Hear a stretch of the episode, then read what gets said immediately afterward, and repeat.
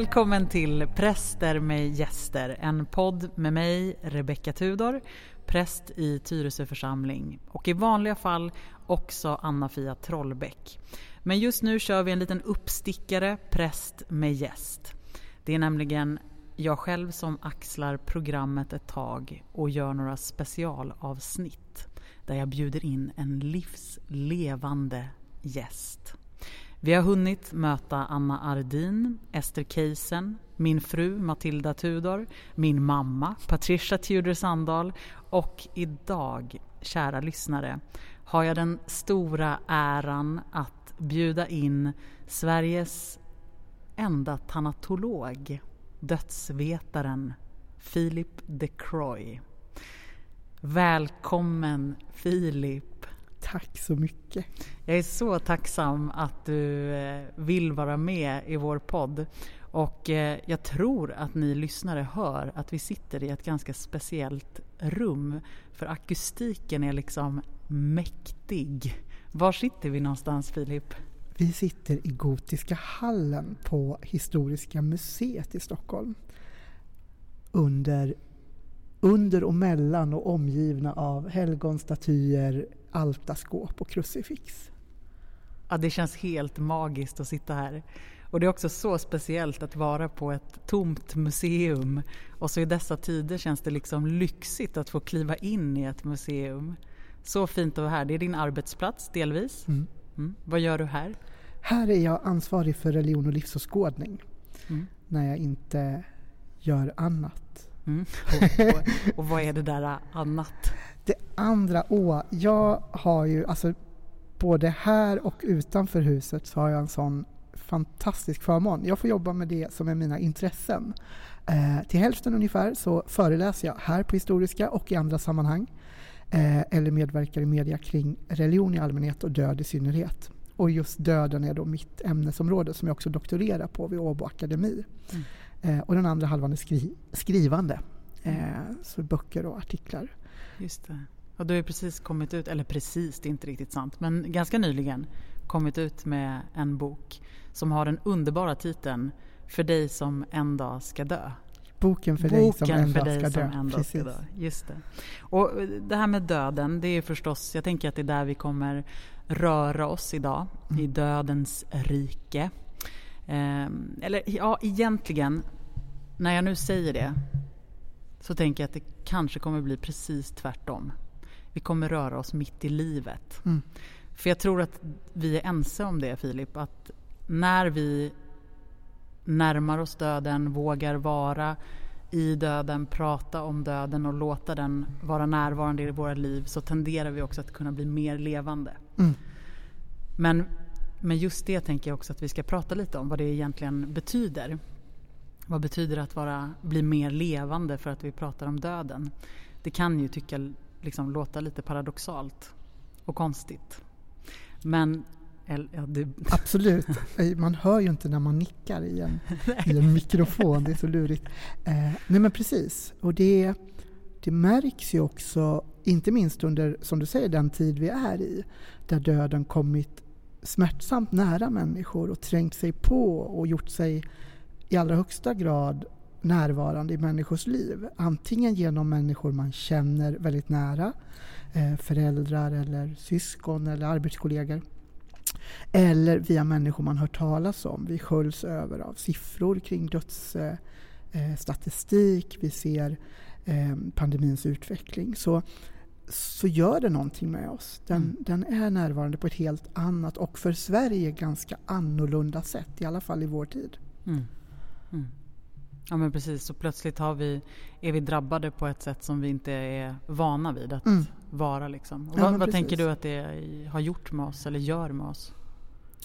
Men det är en utmaning. Sverige är ett väldigt Jussi Björling skrev en gång en, en sångtext som heter Land du välsignade. Och oavsett man blandar in Gud eller tro i det hela så är Sverige verkligen ett välsignat land. Vi har inte haft krig på 200 år. Vi har, de flesta av oss har mat för dagen, kläder på kroppen. Vi lever längre än någonsin förut. Vi har världens lägsta barnadödlighet tillsammans med Luxemburg. Mm. Vi är ett väldigt välmående folk överlag. Eh, men även om vi har lyckats flytta fram döden genom välfärd, genom forskning, genom vetenskap så har vi inte avskaffat den. Mm. Inte än i alla fall. Vi får se hur, mm. hur vad framtiden ger. Eh, men döden... Gud, det tycker jag låter som en skrämmande utveckling om vi skulle kunna avskaffa ja, döden. Den är Eller tycker skräm... du att den känns attraktiv? Den, nej men som, I mitt ämnesfält känns den intressant mm. men utmanande mm. eh, på många sätt. Eh, då blir man ju också själv lite av en antikvarie helt plötsligt. Då ska man berätta om det som var. Eh, när människor, jag minns när människor var dödliga. Eller jag ska berätta för er om hur man hanterade döda förr. Mm. Och döda, ja det måste vi nu förklara, det är alltså när det blir en helt annan situation. Eh, mm. och, och, och, när den, den tiden, den sorgen, då finns nog varken du eller jag kvar i vilket fall. Eh, om den någonsin kommer. Mm. Eh, men det är klart att det gör någonting med vår medvetenhet om döden och om vår dödlighet när den tränger sig på, när den kommer så nära. När vi normalt sett, i alla fall i modern tid, har kunnat hålla döden på vad vi brukar säga ibland på replängds avstånd. Den mm. har kunnat hållas på distans därför att vi har eh, vi har den här fantastiska utvecklingen och förutsättningarna och dessutom så är det ju så att vi har professionaliserat döden. Mm. Det är inte, de flesta av oss jobb, eh, liksom är inte aktiva i dödens närhet så som vårdpersonal i palliativ sjukvård eller som du som präst som är med i sorgesamtal, begravningsritualen etc.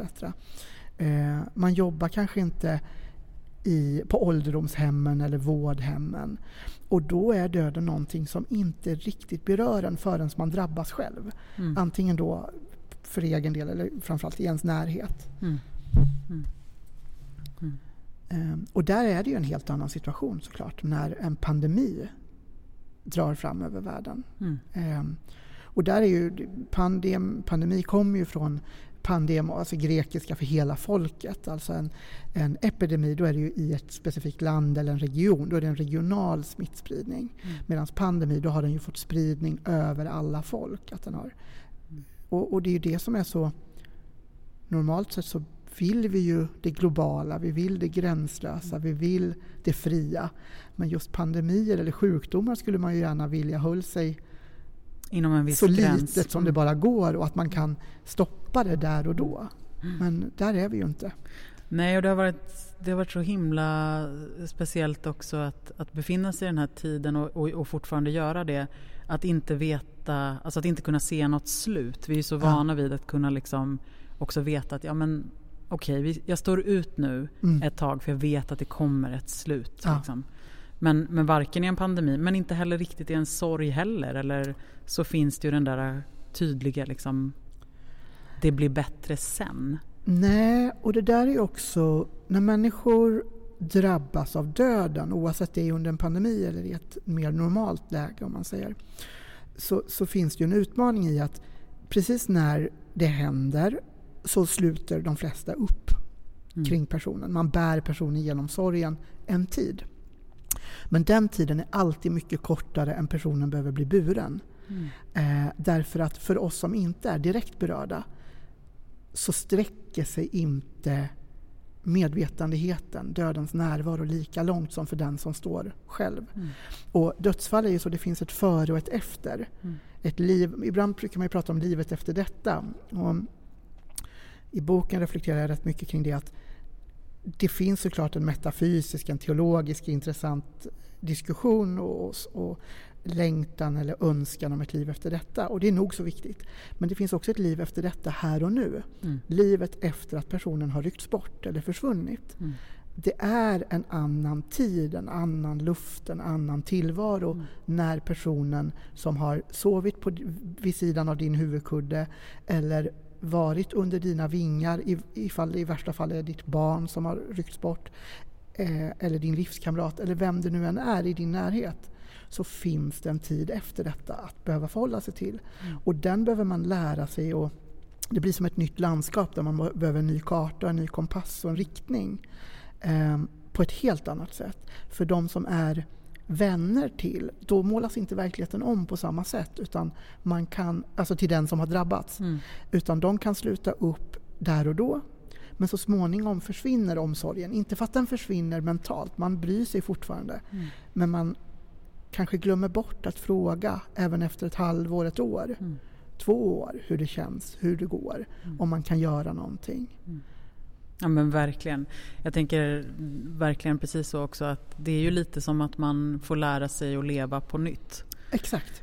Att man får lära sig att leva med sorgen Mm. liksom, vid sin sida. Att sorgen blir en del av livet och den lär man sig till slut att lära känna och Ja. liksom bära med sig. Men, och det är ju också en, ja, men både en personlig erfarenhet men också erfarenhet av Ja, det blir ju också en personlig erfarenhet med vänner som har varit med om, om förluster där, där man uttrycker just det, en känsla av att Jo, men det fanns mycket stöd i början. Mm. Liksom.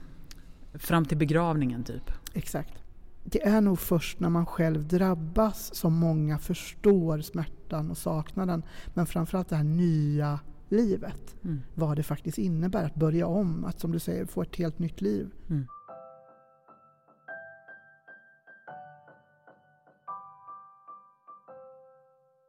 Du, vad är det du går igång på när det gäller döden? Varför skrev du boken och Mm. varför forskar du kring det? Från början... Alltså det finns ju såklart många svar på det här. Eh, från att jag var eh, liten så har det existentiella har alltid tydligen intresserat mig. Det här har jag ju fått berättat för mig i efterhand. Det var mycket grubbel och funderingar och, och kanske lite väl svårbordliga tankar ibland för än vad som verkade sunt, tyckte somliga. Eh, jag tror att det kan handla om att barn har ju en genuin nyfikenhet eh, på saker. Ser man en död fågel på väg till skolan så blir man nyfiken på vad, den, vad som har hänt och vad den är nu och om den är någonstans nu och i sådana fall var. Eh, när vi var små fick vi dessutom gå på någonting som, som jag i olika sammanhang har kallat övningsbegravning. Eh, det var helt enkelt att vi fick gå på äldre släktingars begravning, alltså släktingar som hade avlidit och som vi kanske inte hade en jättenära relation till men som var till eh, därför att mormor och morfar var så gamla och sköra så att vi skulle vara förberedda på vad det innebär att vara på en begravning. Så döden har liksom alltid varit ett, ett, eh, vad ska man säga, ett levande ämne i din familj, eller? Ja, i alla fall för mig. Mm. Eh, jag är inte säker på att alla har varit lika taggade på det. Men Eh, jag tänker eftersom dina föräldrar ändå valde att ni skulle vara, gå på begravningar. För det där är ju också Ja. en fråga även idag om man ska, ja, ska barnen eh, följa med på Mm. begravningen verkligen? Och, mm. Men att det var självklart för, för dina föräldrar då? Ja men absolut, det, det tror jag. Och, och jag tror också att det var just för att begravning är någonting annorlunda. Mm. Det är en annan ton, en annan doft, en annan känsla och känslor eh, som barn behöver förberedas på. Mm. Att, att nu kommer det här hända. Mm. Det kan uppfattas så här, du kan känna så här och det är okej. Ehm, mm, där tänker jag du som präst, hur, hur, hur ser det ut nu med begravningar? Just nu är det ju speciella omständigheter såklart, men i normalläget med barn, brukar barn vara med i huvudsak eller är det mer ovanligt? Är det en vanlig fråga? Ja, det är en ganska vanlig fråga. Eh, hur man ska göra Mm. med barnen. Och eh, alltså jag, jag tror ju att det oftast är bra att Mm. barnen är med. Men givetvis så tycker jag att, att barnen, eller så här, barnen ska i alla fall få frågan. Mm. Alltså barnen ska inte bli utestängda från möjligheten att ta avsked för att man är rädd att det skulle vara farligt för barnen att liksom se eller vara närvarande. Eh, sen kan det ju förstås vara så att, att man som barn verkligen inte vill. Mm. Eh, men då måste man också ta ställning till, alltså hur ska man veta om man vill när man är ett litet barn? Ja. Om man inte förstår riktigt vad begravning är. Så jag tror att det är bra om barn är med. Mm. Att, man, att man låter. Och då brukar jag alltid uppmuntra, men kom lite tidigare. Mm. Jag pratar gärna med barnen och visar kistan och berättar Mm. liksom om, om själva ritualen. Och, eh, för att liksom förbereda lite en stund innan. Sen kan jag tänka ibland på om man, eh, om man säger att jag som förälder eh, det är en nära anhörig till mig, en stor sorg för mig och så har jag ett litet barn som jag måste ta hand om under begravningen eller vad man ska säga. Att det är lite som kanske, inte, som kanske är så litet att det, att det kan störa mig i min sorg eller om du förstår vad jag menar. Min egen närvaro av att få ta avsked. Då kan det ju vara klokt kanske att ha med sig någon mer som kan vara lite av en barnvakt under Det är ju ett begravningen. jättebra råd. Mm. Verkligen. Jag tänker också att barn har både rätt till sorgen och sin egen process kring det. Att, Mm. att barn måste få uttrycka sorgen på sitt sätt. Det kan vara några grejer man kan göra till exempel. Det är att istället för kanske blommor att lägga på kistan så kanske man kan, eller vid urnan, så kan man, om man är lite mindre eller vilken ålder man nu är, eh, rita teckningar och Mm. skicka med. Så som man gjorde till mormor eller Mm. vem det nu är eh, när hon levde. Mm. Man kan, om det är ett lite äldre barn eller kanske till och med ja, tonåring, då är det väl på ett annat men, men eh, att man kan skriva ett brev, Mm. eh, uttrycka sina känslor och tankar och att alla känslor också får vara okej. Mm. Om det har varit en lång sjukdomsprocess till exempel så får man vara lättad att den är över. Mm. Eh, Det är inget fel att känna att axlarna sjunker en aning. Nej. Man får också vara arg. Mm. Förlorar man en förälder eller syskon eller liknande i allt för tidig ålder då har man all rätt att vara både arg och ledsen Mm. över det och uttrycka det på sitt sätt. Och det kan vara genom teckningar eller brev, det kan vara genom att man sitter sammanbiten på Mm. begravningen eller att man faktiskt inte vill gå dit. Mm. Och att man respekterar också det beslutet. Mm. Eh, Men att man ändå får förberedas för de olika möjligheterna så att man inte hamnar sen att man absolut ångrar sitt beslut. För Ja, det är svårt verkligen. att göra om när det väl är. Jag har faktiskt ett sånt, eh, jag har fått eh, ett, eh, om, en, om, en, om ett tag så kommer jag ha, hjälper jag till med en ritual som blir som en minnesstund där det faktiskt handlar precis om det här. Det handlar om en, en vuxen människa som förlorade sin mamma när hon var ett litet barn. Men hon fick inte då vara med på begravningen. Alltså man pratade inte med henne om döden överhuvudtaget utan man, man tänkte att det här är inte bra för barn. Barn ska inte ta del av, ska inte se, ska inte närvara. Vilket har gjort att det förstås istället har blivit ett jättestort sår förstås. Eh, och all, att aldrig ha fått tagit avsked och aldrig ha fått närma sig sorgen på riktigt. Så nu liksom mer än ja, nästan 35 år senare så ska vi ha en minnesstund och ta avsked. Eh, och jag kommer följa, jag kommer göra om begravningsritualen, kommer inte vara en begravning men jag kommer göra som en ritual eh, så att hon ska få känna att hon får ta sitt avsked. Vad fint. Mm. Wow. Det känns fint och det kändes också plötsligt som att ja, det är första gången jag gör det. Eh, men eh, det kändes som att det är nog många som skulle behöva den typen av eh, ritual även senare i livet. Mm. När, man, eh, när man kanske upplever att man faktiskt inte har fått ta avsked. Absolut. Och att, man, att du ger den möjligheten är ju fantastiskt.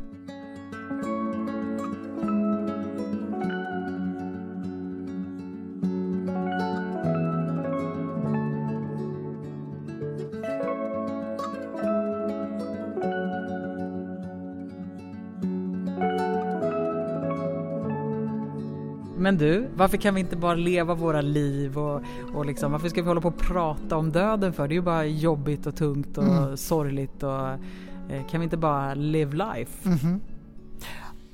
Jag, jag, jag tycker absolut man ska leva livet fullt ut.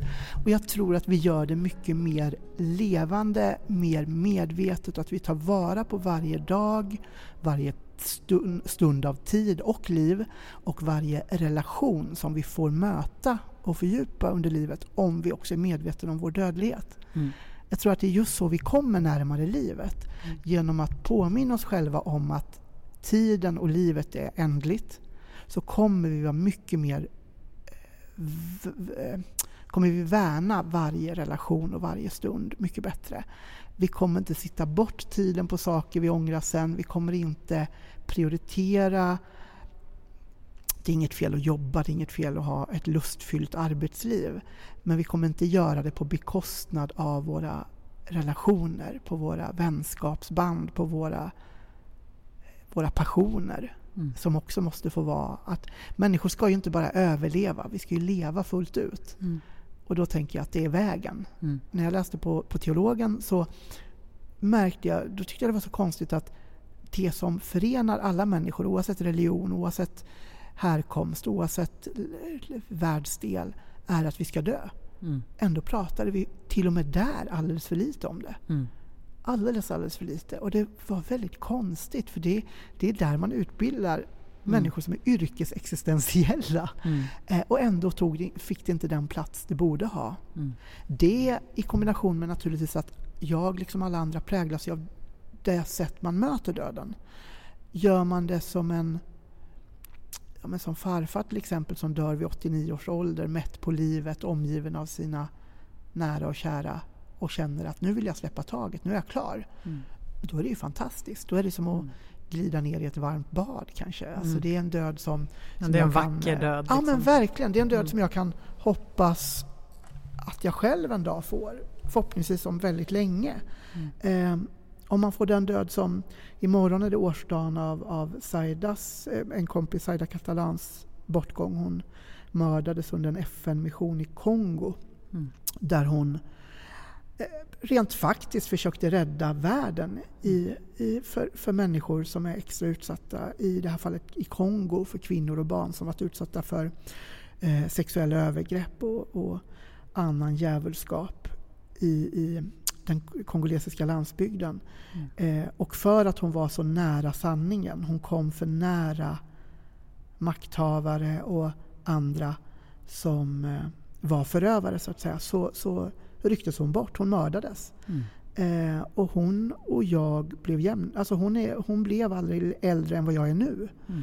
Och det är ju otroligt orättvist och orimligt på alla sätt. Mm. Eh, och den smärtan är ju närvarande både vad hon kunde ha uträttat om hon fått fortsätta. Mm. Om hon hade fått göra klart det hon gjorde där. Men också i sitt vanliga liv, alltså här eh, på hemmaplan. Dricka pucka-te och umgås med vänner och Mm.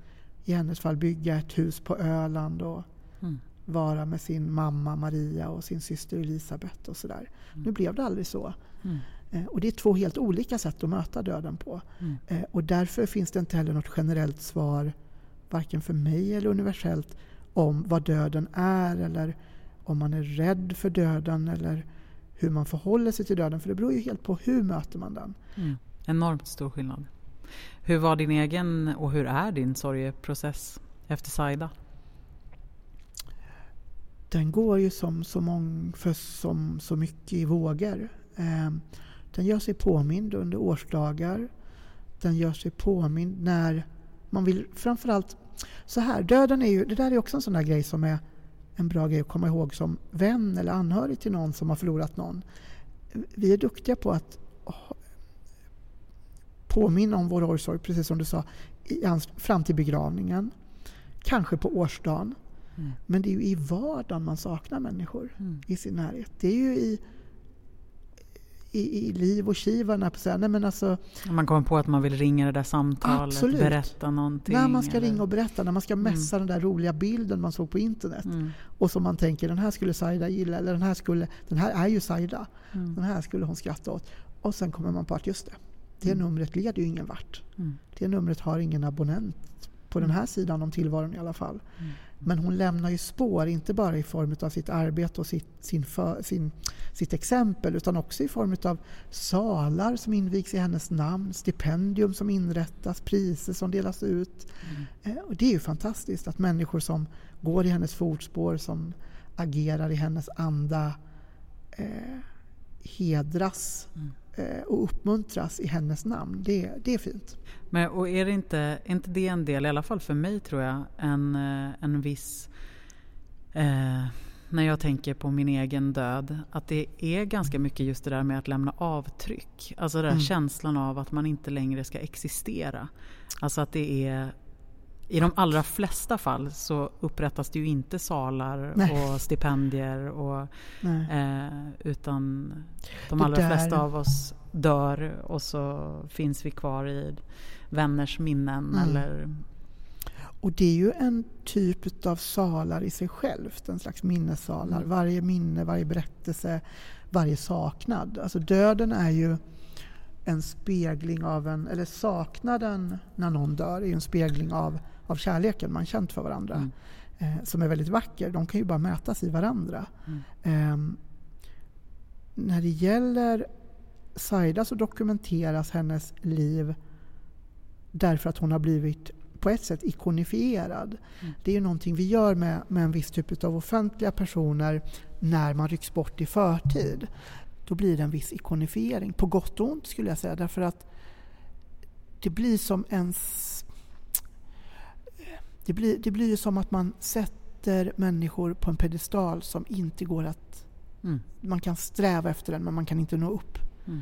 Man kan inte nå ens tårna på personerna därför att de är för högt uppplacerade. Och oavsett det är Olof Palme eller Saida eller prinsessan Diana eller vem det nu är man har gjort det här med, Michael Jackson, whatever, så är det ju människor som placeras väldigt högt upp. Och det är ju människor som precis som alla vi andra har fel och brister och mm. gjort rätt och fel i livet. Samtidigt kan jag känna att det är väl en viss det är väl en viss rim och reson i att göra det därför att om man inte fick leva klart, mm. Om man inte fick göra färdigt, då kan man åtminstone få bli lite glorifierad, mm. lite upphöjd. Som Men, kompensation, som någon tröst i det hela. På ett sätt så tänker jag att det där är, är ganska vanligt vid alla, inför alla begravningar nästan. Alltså att eh, att varje människa på ett sätt helgon förklaras. Mm. För det där har jag, det slagit mig ofta i samtal inför begravningar att det är som att varenda människa jag begraver sanning med modifikation men är liksom den mest fantastiska människan som någonsin har levt på den här jorden. Eh, men att eh, det förstås är ju också, apropå det här med det är kärleken, mm. alltså det är ju också all, allt det här goda, allt det, allt det som faktiskt har berört oss och är som det vackra liksom. Det är också det vi vill lyfta fram mm. förstås. Mm. Men jag tycker att det jag, jag, försöker nästan alltid att hitta, alltså nå mm. in på andra ställen också. I alla fall i samtalet. Det är mm. inte nödvändigtvis att det alltid måste beröras i griftetalet eller vid begravningen. Men, men att också våga Eh, tala om oss som liksom fulla människor, höll jag på att säga. Ja. Jag menar inte fulla, utan men hela, hela, hela mm. människor.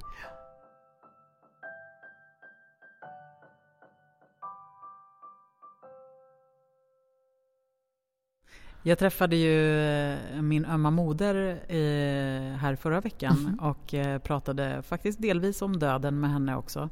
Men eh, inte bara. Men hon fick möjlighet att ställa en fråga till dig. Mm. Och... Oj! Ja. ja men och då funderade hon, för hon, med, hon sa att, att, att hon själv ofta får höra att ja, men du som du som är liksom psykolog och psykoterapeut och kan så mycket. Du, det måste ju liksom, du måste bli så hjälpt av allt som du kan när du själv hamnar i en kris. Liksom. Mm. Varpå hon sa att nej, liksom, låt dig inte tro det. För jag är precis som alla andra. Eh, mm. Jag är lika sårbar, lika skör, lika liksom. Eh, och då undrade hon om, om det för dig är så att när du har skrivit den här boken och du forskar nu att det ändå kan det vara så att paradoxalt nog att genom att skriva om döden och utforska den lite som ett studieobjekt mm. att det paradoxalt nog blir ett sätt att hålla den på avstånd? Eller blir din, du hjälpt? Men din mor är så klok. Um, tack för frågan. Um, jag tänker så här att jag har och kommer de närmaste åren eh, i, i mitt forskningsprojekt läsa på tok för mycket böcker om döden. Eh, förmodligen fler än vad som kanske är sunt och vettigt. Eh, men jag gör det därför att jag vill komma närmare frågan. Jag vill försöka förstå det som egentligen är ogreppbart. Och det är där som är problemet. Då tänker man så här, då kanske det är lätt att tänka sig, precis som som, som din mor har fått frågan att då är du inte alls rädd för döden. Då skulle jag svara att att skriva böcker och forska på döden det är ett mycket billigare och roligare sätt att terapia eventuell dödsångest. Mm. Därför att då får jag ägna mig åt att grunna och fundera och prata i samtal med människor som dig och andra och vi kan reflektera över det här tillsammans. Men jag tror att tillsammans är viktigt att komma ihåg. Mm. Därför att hur mycket jag än läser om det här, hur mycket jag än försöker borra och förstå och greppa, så har ju inte jag heller dött. Mm. Jag vet ju faktiskt inte heller hur det ser ut eh, där bakom eller om det finns någonting där. Mm. Jag kan tro, jag kan hoppas, jag kan mm. förundras, jag kan fascineras men jag vet inte mm. med bestämdhet. Och jag skulle säga dessutom att på samma sätt, å ena sidan det som fascinerar allra mest med, med tanatologi, läran om döden och om teologi, det är att jag får utforska döden ur alla tider, religioner och kulturer. Mm. Från egyptisk balsameringskonst till nutida eh, sorgesamtal och allt däremellan. Men det gör ju också att alternativen, berättelserna, möjligheterna är oändliga. Mm. Och jag får nosa på så mycket att ibland kan man ju gå, bli liksom overloaded, att man får alldeles för många alternativ. Mm. Vilken tycker du bäst om? Jag vet inte längre. Jag, jag, jag, har ju en personlig trosuppfattning som jag vilar i, men det är klart att eh, när man obs, liksom, utforskar så många mm. så finns det så mycket att, att fascineras över. Mm. Och, och, och, fina inslag från alla, mm. både nutida religioner och tidigare kulturer.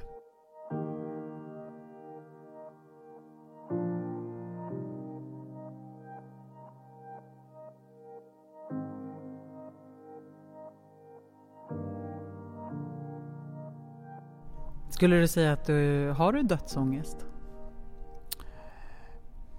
Ja, men jag tror att det är precis som, som vi pratar om lite att det beror ju på när döden kommer. Mm. Kommer den långt, långt senare när, vi, när jag känner att jag fått leva klart, mm. då är det väl en sak. Mm. Men tänk om jag skulle ryckas bort som Saida. Kanske mm. inte fullt så dramatiskt förhoppningsvis. Men, mm. Mm. Så jag, jag, vet ju inte hur mycket tid jag har. Jag försöker bara efter bästa förmåga greppa varje dag och försöka ta vara på den och, och, och den tid jag får. Mm. Du ska få måla upp en sista bild. Mm -hmm. Och det är när du föreställer dig din egen död mm. och det här med att låt oss tänka det som att kliva över något eller jag har ingen aning men mm. vad hoppas du ska möta dig? Jag tror ju att jag tror livet är för häftigt och för komplext för att bara ta slut. Att det bara skulle bli nattsvart och mörker. Jag, jag tror inte det är, det är inte rimligt.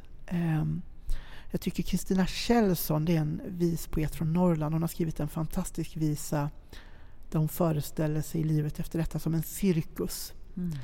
Och där skriver, sjunger hon bland annat att hon ser en en lindansare som om hon skulle falla skulle någon ta emot. Mm.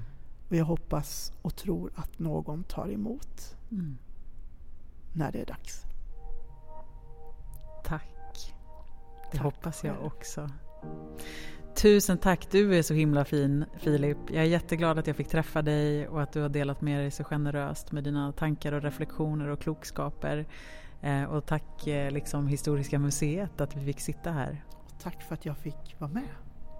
Tack och tack alla lyssnare för att ni har varit med oss. Eh, vi hörs igen nästa vecka så får vi se vem det blir som blir gäst då.